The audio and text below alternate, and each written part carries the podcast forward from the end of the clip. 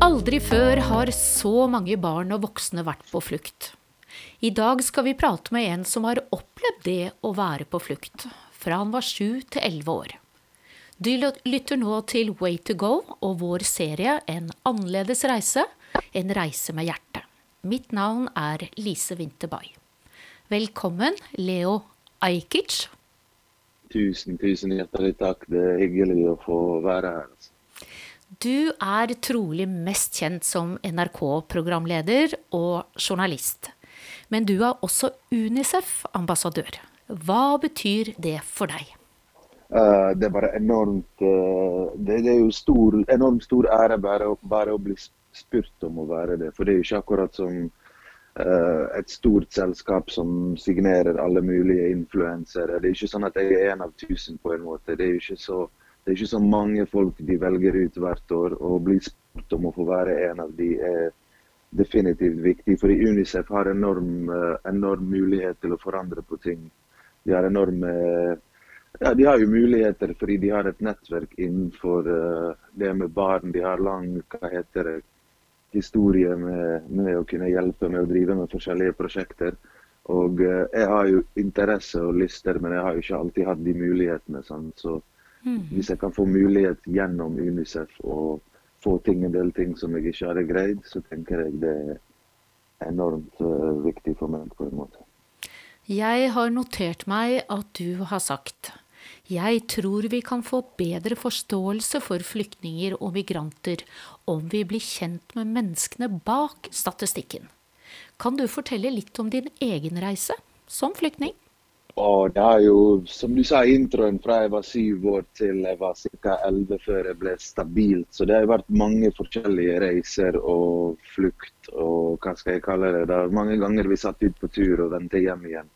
Så første gangen husker jeg Det var jo rett og slett inne i min egen hjemby. Bare det å flytte hva heter det, bare det å flytte på oss til et trygt sted for å ikke bli truffet av bombene.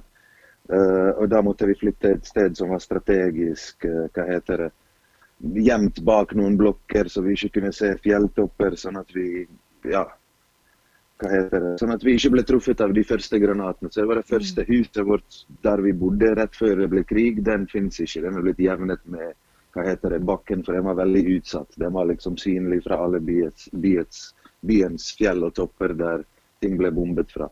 Kan du dele litt om hva du husker fra den hjembyen din? Om hvordan det var der før alt dette skjedde i Bosnia? Der, der levde vi et ganske så fint liv som jeg kan sammenligne med Norge på en måte. Som folk som lever i som har familietradisjoner, der de møter folk i høytidene, der de reiser på ferier, der de opplever et ganske sosialt, meningsfullt liv. der Foreldrene var utdannet, fikk bruke utdanningen. Besteforeldre var kommet i pensjon og har vært med å bygge opp et land. Og så raknet på en måte alt sammen, sakte, men sikkert. Altså De samme tingene, kreftene som, som ble på en måte slått ned på, og landet ble bygget opp på fellesskap. Så alle de der uh, kreftene som skiller mennesker, de og oss, alt det der, uh, alle tilbake til sitt uh, mm. det, det, det, begynte å spille rolle. og så gikk alle til på en måte, altså gikk alt til helvete, for å si det Hvor lå denne byen, eh, Leo? Eh, Mostar heter hjembyen min. Det er litt sånn mm. sør, eh, sør, i Bosnia. da. Veldig kjent det, for broen sin? Ja, kjent for en bro, kjent for en fin gamleby. Og mm. ja, det er mange ting vi egentlig er kjent for lokalt der nede, da. men sånn ute i verden så er det den broen som vi er kjent for. Men uh, hva var det jeg skulle si? Men uh, som oftest flykter jo folk til nærområder. sant? Mm -hmm. så, det, så, det, første ble Tyskland, fordi at nærområdene var veldig veldig utsatt. Så, så, det var jo krig i Jeg bodde jo liksom i hjertet av Balkan på en måte. Så de, alle de seks republikkene rundt var jo nesten i krig. sant? Så vi måtte komme oss til Tyskland. Det var liksom der vi hadde noen familie, og der var vi flyktninger første gang. Og så reiste vi tilbake. og og så ut igjen til Kroatia, og så tilbake, og så ut igjen. Fordi at jeg måtte jo gå på skole, ellers hadde jeg gått glipp av tre-fire skoleår. Sånn. Hvorfor ble det Norge? Jeg tror det var politisk vilje i Norge til å ta oss imot. Min far, etter, Vi var i Kroatia, og planen var å være der og vente til ting ordnet seg litt, kanskje. Og så skjedde det en del ting, og så måtte min far flykte. Og da var kanskje Norge et land som hadde gitt ham mulighet til å komme dit. Kanskje han hadde søkt hjelp. Ikke i detaljene, jeg har aldri gått for mye i detaljene. Men jeg husker at veldig mange bosniere kom til Norge akkurat når min far kom. Ja, Forsto du som barn, du var jo ikke gamle karen, den gangen hvorfor dere måtte dra hjemmefra? Ja, jeg forsto jo det på en måte. Jeg skjønte det. De kunne, foreldrene kunne skjerme meg fra visse farer som var nær meg. Kanskje jeg ikke visste alltid at byen kunne falle, eller at frontlinjen bare var en kilometer unna, eller et eller annet. De kunne skjerme meg fra visse ting, men de kunne ikke skjerme meg fra det store bildet. Om jeg forstår det store bildet og grunnen til krig, det er ikke viktig, men det store bildet av liksom hva som foregikk rundt de satt jo og så på nyheter. Altså, de, altså jeg var jo syv, åtte, ni år gammel. Jeg gikk jo på skole. Jeg var jo ikke hele tiden med foreldre. Jeg snakket jo med andre barn, med slektninger. Med, altså, de kunne jo ikke skjerme meg. Og kanskje det er ikke så lurt heller å skjerme meg fra å tro at et eller annet alvorlig ikke foregår på en måte. Men det skulle jo ikke så mye til for at jeg glemte alt som foregikk med lek, med å ha det gøy. med jeg husker så når du nevnte første flukt, så tenkte jeg først innenlands. Fordi at jeg husker i kjelleren når vi ble bombet på en måte. Der vi var trygge, så lekte vi barn med ting og kort og, og mm. fortalte vitser. Og, og da, da, ble jo den redselen om til noe annet, liksom. Så ikke bare dårlige minner, heldigvis. Ja. Og mye av ditt virke som journalist har jo vært knyttet opp mot din bakgrunn, eller er knyttet opp. Foruten at du i år har blitt Unicef-ambassadør, så har du jo tidligere laget en dokumentarserie, 'Flukt', som et bidrag til innvandringsdebatten. Hvor viktig er det både for deg og samfunnet at søkelyset rettes mot dette? Jeg tenker jo det, for det blir jo, som du sa i introen når du introduserte meg, det har aldri vært så mye folk på flukt. Det blir jo sånn, og det blir jo noe å forholde seg til på en måte. Hvis ikke verden fikser opp i en del andre problemer, så er det det som er utfallet. At en del mennesker er på flukt. Og det blir kanskje mer og flere og flere barn. Og, og, og det, det, er noe som vi alle globalt må forholde oss til, akkurat som klima. Det er noe som berører mm. alle, fordi alle har hatt en finger med i spillet på det her. Det er ikke så viktig å gå tilbake i historien. Han har gjort det, han har gjort det. Vi skal være sur på han, men alt henger sammen på en måte. Mm. Globaliseringen og vi, vi har jo jeg vet ikke, Det er litt rart å liksom hylle folk som bare Sånn som Kon-Tiki. Stikke ut og utforske verden, mens i dag du må ha pass for å gå til naboland. skjønner du? Eller du mm. skjønner hva jeg mener? Ja. De gamle dagene, alt, men nå er det blitt sånn ah, Jeg vet ikke hva jeg skal si, liksom. Og samtidig vi har så, Det finnes jo flere nordmenn i USA enn Norge, og de reiste ikke bare på noe krig, de reiste på noe fattigdom også. Mm. For å forsørge Det var ikke indianere som inviterte dem, det var de folka som tok over landet som lagde plass, og nordmenn så det var muligheter der. Og vi har jo sett på TV Alt for Norge og serier som hyller nordmenn i utlandet. Som egentlig er det i dag som blir kalt gulldiggere hvis noen kommer til Norge. For du kommer for å få et bedre liv, en bedre mulighet. Og vi, all, vi har jo, all statistikk viser vi er et bra land. Det er bra å bo her. Vi har det bra. Vi vet vi kan hjelpe flere. Og det er jo ikke liksom rart at kanskje noen har lyst til å komme hit og få et bedre liv. Sant? Det er ikke alltid man kan forandre alt for barna sine der man er, eller skape de mulighetene, eller forandre det politiske systemet. Og jeg som journalist har bare opplevd hvordan forskjellige regimer setter opp folk mot hverandre. Eller jeg har jo vært selv i land under flukt der, der regimet var skeptisk og skjønte ikke hva vi filmet pga. situasjonen i landet deres. At på en måte kanskje en har ansvar for å passe på meg at jeg ikke skal gjøre noe kritisk. Og måten de setter ansvar på en, er at liksom, kanskje han mister noen i sin familie hvis vi gjør noe dumt. Så, mm. så tenk hvis jeg har en familie i et land og så skal jeg være aktivist, så, så går det utover de på en måte. Til og med hvis jeg gjør noe aktivisme fra utlandet på en måte, så går det utover. Og det er ikke alltid like lett å forandre noe. Folk, hvorfor kriger ikke de? Hvorfor bare, nei, Hvem skal du krige for? Skal du velge den siden eller den siden? Alle de som en normal har på krig, liksom. sant? Eller det er så, det er så komplekst på en måte.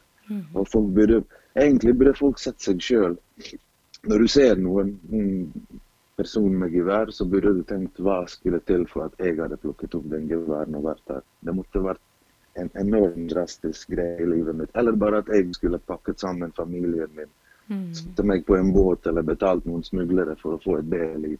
Mm. Hvis du skjønner, hvis du setter deg sjøl i dagens liv, sånn som jeg bodde når jeg var liten med familien, og så hva må til for at du skal flytte fra hjemlandet ditt langt vekk til en annen kultur og begynne på nytt på en. Og der har jo du en veldig viktig rolle. Da. Som viser Du er jo faktisk en av disse som da viser oss det du sier i de ordene jeg siterte fra deg. Mennesket bak. Ja, og da kan du si ja, jeg er fortsatt litt mer skeptisk og ikke så Men folk må jo få vite litt mer enn bare Det er ikke rart at noen er litt mer skeptisk når folk blir også presentert som statistikk eller som noe farlig eller som noe annerledes eller som Og det fins jo Det er alltid utfordringer. Alt er hva vi gjør det til. Alt fra innvandring til integrering til til og med vårt eget liv, liksom. Og akkurat det med integrering hadde jeg tenkt til å ta opp med deg. For mm. det er jo viktig både menneskelig og økonomisk sett for samfunnet. Og teoretisk så virker det jo enkelt, men ikke alltid i praksis, dessverre. Og hva Nei. mener du er svakhetene? Det er jo mange svakheter, og det er jo så mange styrker også. For det er jo mange som har blitt bra integrert og fått bra jobb. Men ofte kan det være sånn at det går én ting om gangen. Først må du lære norsk, og så må du det, og så må du få bostedkommune, og så får du asyl, og så må du Du vet, det er en sånn rekkefølge med ting, med system, sant, som gjør at ting skal være ordentlig. Og av og til er det mulig å blande to-tre ting samtidig. Av og til liksom Kanskje den å sitte bak en pult og ikke jobbe og lære norsk. Kanskje å være i en slags halv arbeid-praksis der folk forstår på arbeidsplassen. Du, ikke, eller, du forstår på internett. At man ikke nødvendig Venting er en, det verste med mange ting er å vente. Hvis du er på en audition og du har nettopp sunget og du venter på svar, den ventingen Jeg tror det er veldig kjipt for mange å bare sitte og vente og vente lenge, liksom når vi fra Bosnia kom, så etter ett år at jeg hadde kommet Min far kom ett år før meg, så hadde han allerede en hybel som han hadde skaffet på egen hånd. Allerede vært gjennom norskkurs på en måte, eller nok til å ikke vet jeg, begynne med utdanningen sin, godkjenne den eller hva han skulle. og sant, Sånn er ikke det nødvendigvis for alle folkegrupper og for alle folk i dag. Og Asylmottakene var veldig nærmere sentrumene. Så folk kom i kontakt med mennesker og miljøer og kunne gå i byen. og du vet hva jeg mener, kunne være en del av noe. Ofte nå det, ligger det litt sånn avsidesliggende der du må gjøre en liten innsats og kanskje ha litt ressurser for å komme deg steder. Hva synes du at vi, hver og en av oss, kan gjøre, etter din mening, for å ta imot flyktninger og innvandrere? For å gjøre det tilværelsen litt bedre? Eh, altså De som har lyst til å bidra til mer positivt og lyst til å leve sammen, og så, så er det liksom fett å bare begynne med en dialog, syns jeg. og bare, bare se hva de andre også har å by på. Selv om noen er flyktning, så er de kanskje stolt av maten sin, er de stolt av musikken sin, kulturen sin. De har fortsatt ting de vil presentere når de har kommet til Norge og vise andre folk. Og jo mer det blir Hva heter det? Altså, ja, Begge veier. sant? Det er ikke sånn, Alle trenger jo ikke å like vafler, men det er veldig rart å bo i Norge og aldri bli tilbudt eller lært hva en vaffel er. sant? Det er ingenting, det er ikke en norsk verdi å elske vafler. Samme med innvandrermat. Det er ingen i Norge som elsker innvandrermat, men du ser folk digger jo eh, krydder. Folk, folk digger jo i Norge å prøve nye ting. og jeg, jeg tror alle vil få det bedre hvis vi viser det beste av det vi har å by på til hverandre. og Så kan vi forandre på en del ting vi gjør på her, og så kan vi Jeg vet ikke, vi gjør jo det daglig med Instagram og med, med, med hva skal vi si, med innflytelse som kommer fra sosiale medier, fra USA, fra TV, om hvordan vi skal leve, hva vi skal spise. Så hvorfor ikke gjøre det med noen som, som er foran deg og er, er eksotisk, enn en eksotisk nettside som viser deg det. Skjønner du hva jeg mener? Begge blir eksotiske for hverandre i det første møtet uansett. For det er jo det som er fett. Jeg digger å møte folk som er annerledes enn meg. Det er ikke alle som kan bli venner. da. Det er jo sånn det. Alle kan ikke bli bestevenner, og alle skal ikke bare Det finnes mange folk som er ensomme i vårt samfunn, og det finnes Ja, hva skal jeg si? Men det er viktig bare at vi lærer å respektere hverandre, fordi vi skal bo sammen på en måte. Vi bor sammen. Mm. i løpet av dine Det er vel vel ti år nå i TV-bransjen, er det ikke? Ja, mer enn det. På Ja, NRK har jeg vært ti år men kanskje 14 år eller noe sånt. Men det er ganske annerledes mye av det jeg har laget. Hvis du har sett én greie jeg har lagd for bare ett prosjekt jeg har lagd når jeg var yngre på nett-TV i Bergen. Så, Mm. så, jeg, så, så har det ikke så mye sammenheng med det jeg lager i dag, kanskje. Men du har tatt for deg veldig flere prosjekter når det gjelder Ja, det- mennesker som lever på siden av samfunnet. Så jeg tenkte å spørre hva som har gjort mest inntrykk på deg? Eh, flukt har definitivt gjort mest inntrykk på meg. For jeg har fulgt forskjellige folk i lang tid og reist andre steder der du får virkelig en sånn reality check. Og, det, og reality check gjør inntrykk. Sant? Når du reiser steder og ser ting med egne øyne, så setter ting i perspektiv. Og selv om jeg har sett det før, så lever jo jeg i Norge, har en god jobb. Alle har sine problemer, og alle har det vanskelig av og til her også, men det er lett å glemme en del ting, selv om man har opplevd de sjøl, selv, om man har sett de, fordi vi blir jo skjermet for det her. sant? Og så, så Vi blir ikke skjermet for bildene på nyhetene av alt som foregår, men du skjønner poenget mitt på en måte. Vi slipper å forholde oss hver av alle disse tingene. Vi slipper at det skjer med oss av det vi ser. Så når du er der og opplever det og ser en del ting, når du ser liksom en båt ankomme der folk så vidt har overlevd med barn som er våte og fryser, så, så er det noe helt annet. Andre tanker du får i hodet, liksom. Mm. Så det er var- den serien som har vært tøffest å lage, definitivt. Og mest givende, og kanskje jeg vet ikke alt på alle måter. Du var jo elleve år når du kom. Og Ja, nesten elleve cirka. Ja, elleve. Ja. Det året fylte elleve. fire år på flukt. Og hvor viktig var det for deg å passe inn i Norge? Uh, det, det, det ble jo kanskje viktig, men så, så Dette er jo en prosess frem og tilbake. sant? Av og til er det mindre viktig fordi du passer kanskje ikke litt inn. Og så tenker du hvorfor skal jeg gidde å passe inn?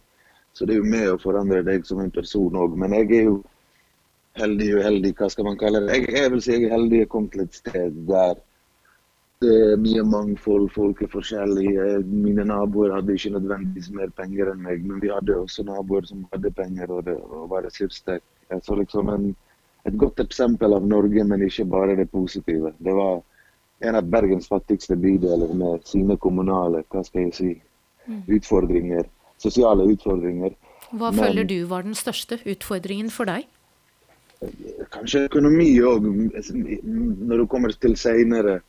En del sånn selvfølger som du går glipp av. Det er vanlig å ha penger til skidag. Det er vanlig å kunne kanskje reise på ferie nesten hvert år med familien. Det At du kan bli kjørt til fotballtrening, eller at, eller at liksom Jeg vet ikke. En del ting som bare kanskje er selvfølger, som ikke var det for meg som gjorde at spesielt senere når du kommer til videregående, når du vil kanskje imponere og, og du vil at jenter skal like deg, så blir du opptatt av klær. sånne ting. Da begynner man å ta en del dumme valg fordi man ikke har råd til å være på det nivået. Sant? Og i dag kan det kanskje være verre. Det var ikke Louis Vuitton-vesker på den tiden. Det var liksom det var kanskje Helly Hansen-jakker og noe andre greier som var dyrt, men det var ikke så dyrt som i dag, med tanke på hvor mye lønningene har gått opp. Mm. En del ting kan være verre i dag. Du, la oss si du havner i Bærum på en eller annen skole, og så skal du konkurrere eller prøve å følge med den gjengen som liksom Ikke vet jeg, men som har en, en del mer enn deg, og så, og så har de Og så er det som gjelder, er dyre ting, kanskje. sant? Mm. Så, Gjennom- så men Men man blir jo eldre. Ja. Ja. Man blir jo eldre, og det er viktig det. at disse tingene er jo ikke viktige. Man må lære det, man må lære sjøl.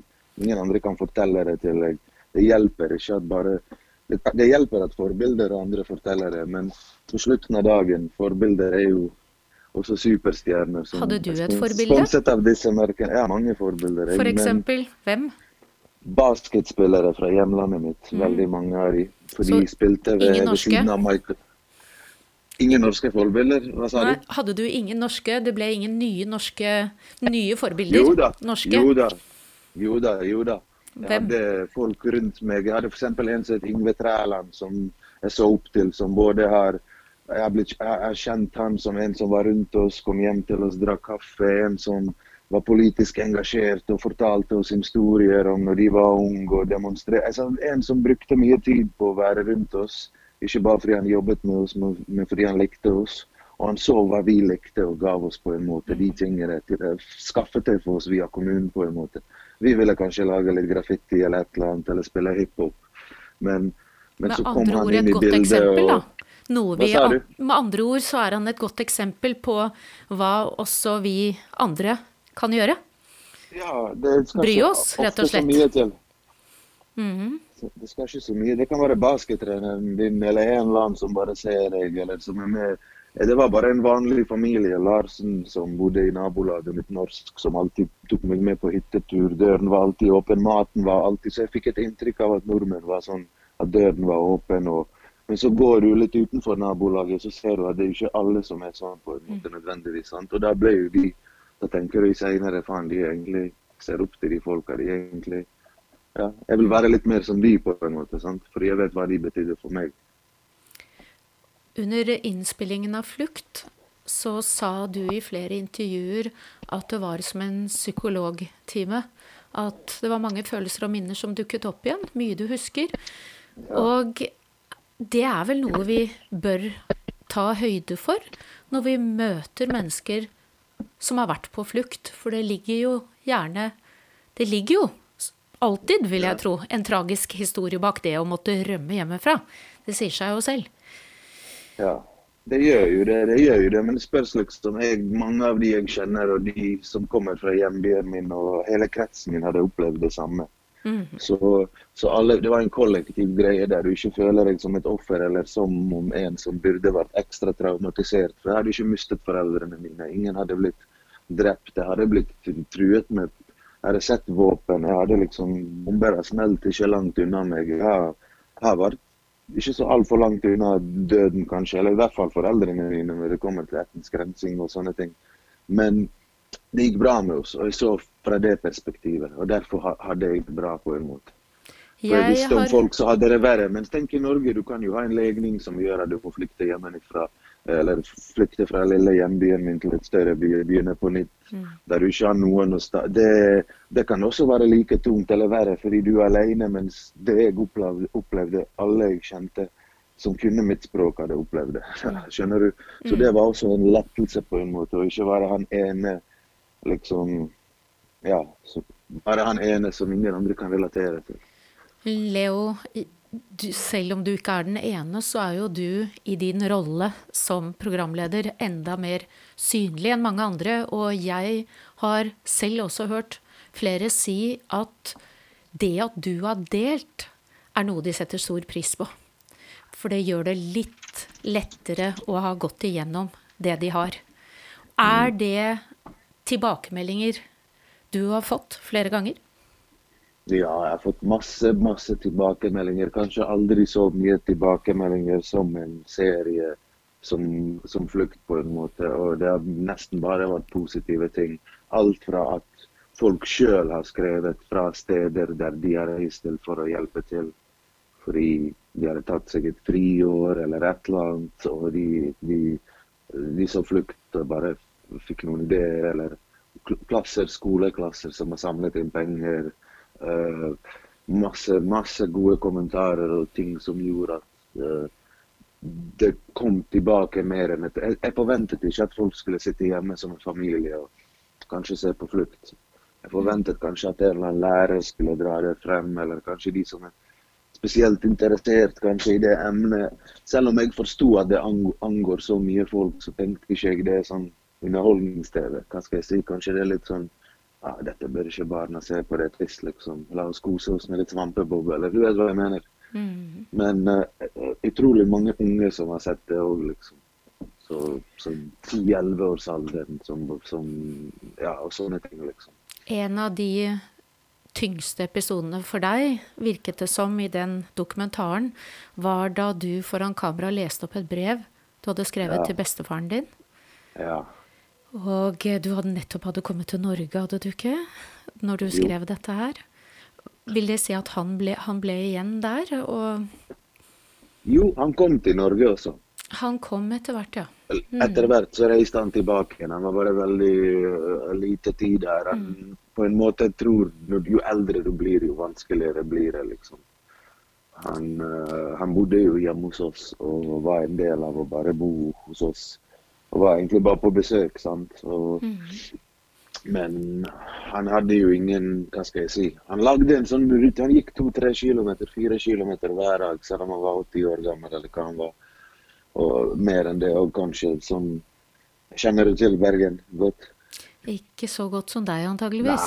Nei, nei, men for de som kjenner Bergen godt, fra Løvtakken, Danmarksplass, så kanskje opp til Haukeland sykehus, Landås, så ned til sentrum, over Puddefjordbroen, Laksevåg, tilbake igjen. Fordi at når jeg var liten, gjorde vi alltid det i hjembyen, men da hadde vi forskjellige eh, folk å hilse på.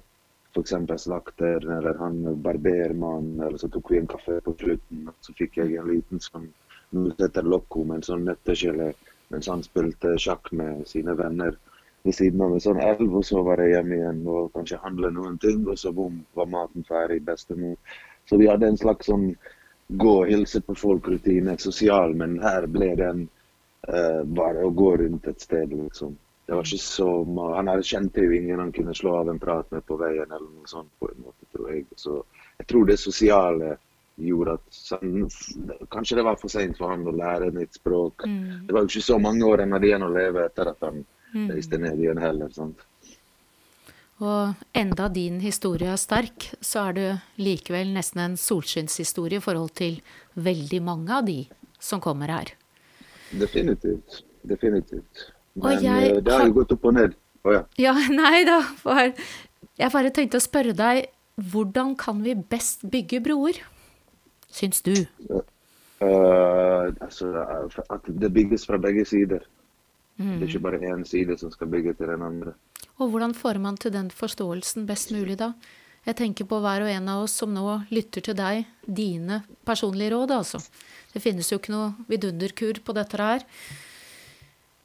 Nei, altså det er, jo, det, er jo, det er jo dialog som er viktig, å høre på hverandre og bare møte, fordi det møtet vil for, for Tenk på det. Det er så mange nordmenn du har når det kommer til sau og, og, og hva heter det, ulv, og når det kommer til bompenger, sigarettavgift, Høyre eller Venstreparti. Det er jo ting som gjør at man liksom er helt uenig, men på slutten av dagen så går jo folk og er med hverandre og lever sammen og kanskje ikke fokuserer på de tingene som skiller dem. Hvis vi hadde fokusert på det som er likheter og det som er til felles, så hadde vi funnet sant? Fordi jeg, La oss si at jeg later som jeg Eller jeg tror jeg kommer til å hate deg, og så treffer jeg deg. Så tror jeg oftere det vil si at jeg ikke hater deg, på en måte. Som oftest er vi vanlige mennesker det er snakk om. Det fins folk på ytterkant av alt mulig som selvfølgelig du kommer til å krasje med, eller jeg. Men som, som jeg fortsatt kan møte. Men folk flest, de, hvis de hadde giddet litt, så, så hadde det gått bedre, tror jeg. Så jeg vet Jeg ikke ser også at du sier til eh, Unicef at ofte så føler de som kommer her, at de ikke har rett til å være her. At du på en Ja. måte og din familie hadde en lovlig grunn fordi at det var krig i hjemlandet. Ja. Og, og, er det en følelse som da må være veldig vond, som du tror er utbredt? Det tror jeg mange føler. liksom, Hva gjør du her? Det er liksom som vi herifra som sagt kan utforske verden, være stolt. Vi, vi, det herifra, det var akkurat som alt var svart, og så kom vi europeere, og så avdekket vi alt på en måte. Hva skal jeg si? Det er jo litt sånn Ja, jeg vet ikke hva jeg skal svare på det, på en måte. Men kunne du gjenta spørsmålet igjen? Beklager. altså. Dette å føle at du har lov til å være her, rett og slett, Ja, når du kommer ja, her. det, det. ja, det er jo litt sånn så på grunn av at vi er litt rike. Og det blir jo nesten som Hvis du er i Syden og en jente liker deg, så tenker du med en gang det er passet mitt eller det er pengene mine. Sånn. Du ser på deg sjøl som noe veldig verdifullt, noe veldig sånn, men det vil si at andre vil andre vil ha deg eller være deg eller Jeg vet ikke, det er en sånn måte å se ting på, tenker jeg. Og du kan føle deg som Ja, du kan føle deg som Du kan føle den greien der. At du er kommet for å ta, eller at folk tror at du er der for å utnytte det de har bygget opp. Eller du er der for å vanne ut eller ødelegge skitne til. Og den følelsen du får av å Hva skal jeg si? Ja, av å høre en del ting som hverdagsrasisme, av å kanskje bli litt Av å prøve å få en jobb, men du får ikke det selv om du føler du er kvalifisert. Ikke vet jeg.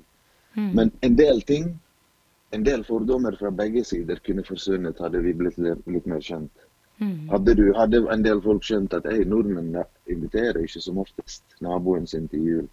Alle går til hver sitt når det kommer til jul. Så hadde du skjønt at det handler ikke om at du ikke er invitert. Det handler om at som oftest inviterer ikke man folk hjem til jul eller påskehytte. eller så, jeg har skjønt det på en måte. Og da blir man litt mindre lei seg, skjønner du. Akkurat denne julen er det kanskje litt grann vanskelig, dessverre. Men det er jo en Sant. tid som minner oss om samhold, den tiden vi er inne i nå.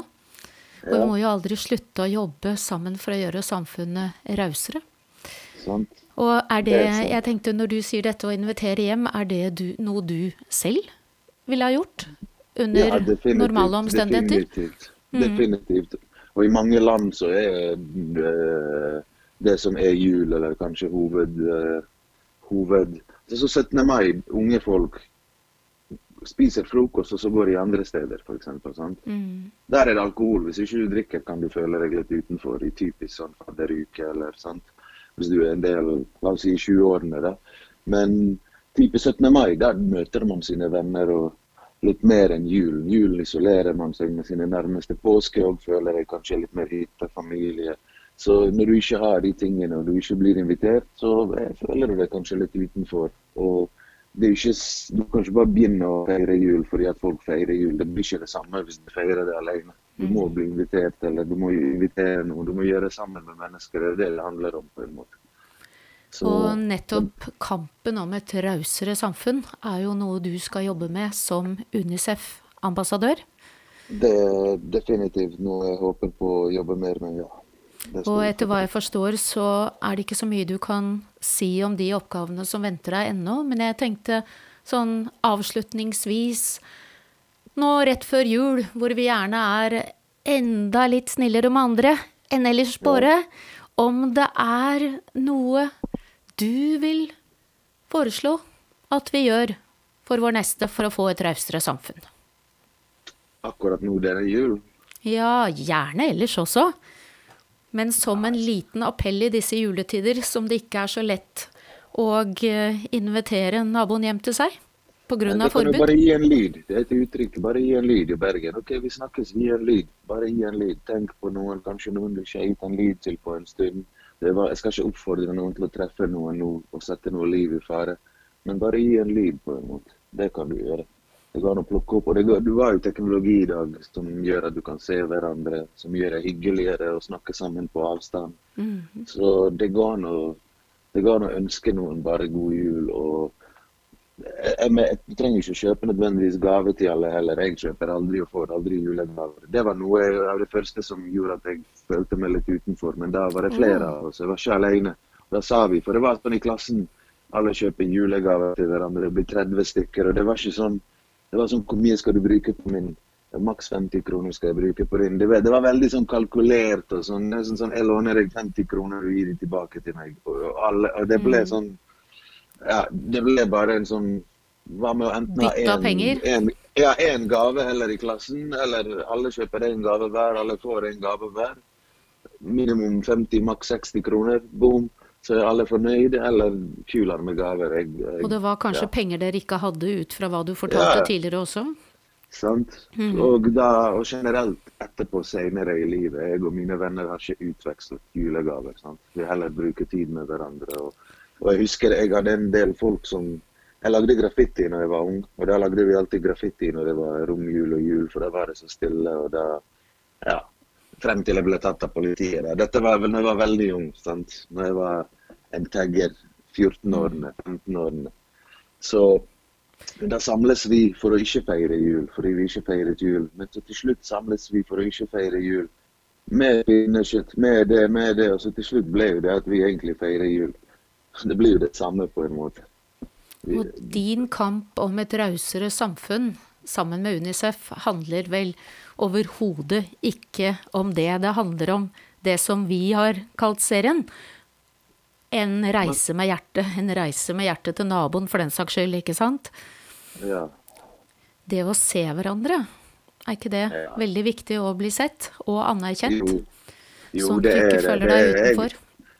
Det er det. Og det er sånn, I begynnelsen, når jeg ikke følte meg sett, så lagde jeg bare TV for de som så meg. Jeg har fortsatt lyst til å lage TV for en del folk som er fra viss miljø, som har en viss humor, en viss musikk som sjanger hiphop. Akkurat mm. som en gammel rocker vil, eller en som vinelsker vil lage et program om vin, i tillegg til alle de andre viktige han lager. Men når Kari, når Olav, når ikke naboen min, men en fyr som bor 400 km unna, forsto og skjønte meg, da, begynner, da har jo jeg mer lyst til å lage ting for han også, og ikke bare for mitt miljø eller mine folk, eller de forstår meg.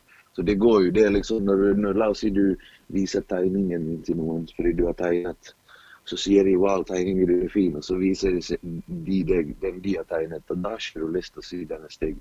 Fordi mm. de har vært hyggelige med deg, selv om den kanskje er litt stygg. Mm. Skjønner du poenget? Det er mm. vanskelig å være frekk med folk som er hyggelige. Mm. Det er noen folk jeg ikke liker, men jeg kan ikke hate dem fordi de er så hyggelige. Mm. Skjønner? Og apropos, veldig viktig poeng, og apropos det med tegninger, det får meg til også å tenke på barn. For barn er vel noe av det du skal jobbe med som tema med Unicef? Ja, barn, ungdom, unge. Ja, og jeg, jeg, ser at du sier her, det er til Unicef, da, at ingen flyktninger er mer verdige enn andre. En flyktning er en flyktning, og et barn er et barn. Alle barn som kommer til Norge på flukt, skal føle seg velkomne, uansett alder, kjønn, rase, religion og bakgrunn. Og dette er vel noe vi alle kan bidra til. Ja, det håper jeg virkelig. Altså. Men, uh, men dessverre, den dagen barn blir voksne, så blir de fortsatt sendt ut. Og vi har jo sett noe med han Mustafa i Oslo som Eller ikke i Oslo, det var i Asker. Som det i hvert fall Det er en ung musiker fra hiphop-miljøet som, som, har fylt 18 og som blir deportert, men som har bodd i Norge jeg tror i 13 år på en måte. Eller mm. Ja. Så det er jo bare Ja.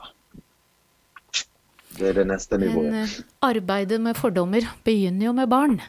Ja, det gjør jo det. det, gjør jo det. Men sånn, barn leker jo, barn har det gøy sammen. Og de, de, de, de, de lærer de fordommene fra de voksne. De mm. plukker opp de fordommene fra lærebøkene, fra TV, fra, fra språket rundt hjemme, fra, fra, politikerne på TV som sier 'grab them by the pussy', eller whatever. liksom, fra, fra unge folk som meg, som kommer på TV og ikke vet hva de gjør. og Alt mulig, liksom. Alt, mm. alt er med på, på, alle vi er med på å påvirke alt. Mm. Jeg syns det er et veldig bra utgangspunkt du har der, ja. å begynne med barn. Ja. Og eh, få vekk de negative holdningene som finnes der ute. Så Ja, definitivt. Det hadde vært fint, ikke, liksom, det hadde vært fint hvis alle hadde blitt enige om å bare ikke putte noe negative greier på de og se om de kommer opp med det på egen hånd. Jeg tror ikke de hadde gjort det på en måte. Jeg tror de hadde, ja. Men Leo, Leo pluss Unicef høres jo ut som en veldig veldig gunstig og klok måte å starte dette arbeidet på. Arbeidet mot fordommer. Så jeg ville ønske både deg og dere lykke til med det, og takke deg for å ha delt nå. Leo. Tusen hjertelig takk for at uh, dere snakket med meg i dag, og god jul. God jul og god desember, siden du ikke feirer jul. Jo, jeg feirer jo jul. Du gjør det, ja. Liksom, det var bare uten pakker? Jeg, jeg, jeg, er ikke med på hele den greien. Eh, jeg ikke, jeg ikke, du, du, kan jo feire jul uten å Du kan feire jul på mange forskjellige ja, måter. Absolutt. Så, sant? Så mm. jeg, liker jul. Spesielt når man har jobbet ekstra hardt. og må slappe litt av. Kanskje vi rett og slett kunne starte med å løfte blikket på gata til folk vi ikke kjenner, og hilse? Ja, nydelig. det. Enkelt og greit. Mm. Mm. Tusen takk skal du ha, Leo. Tusen takk. takk.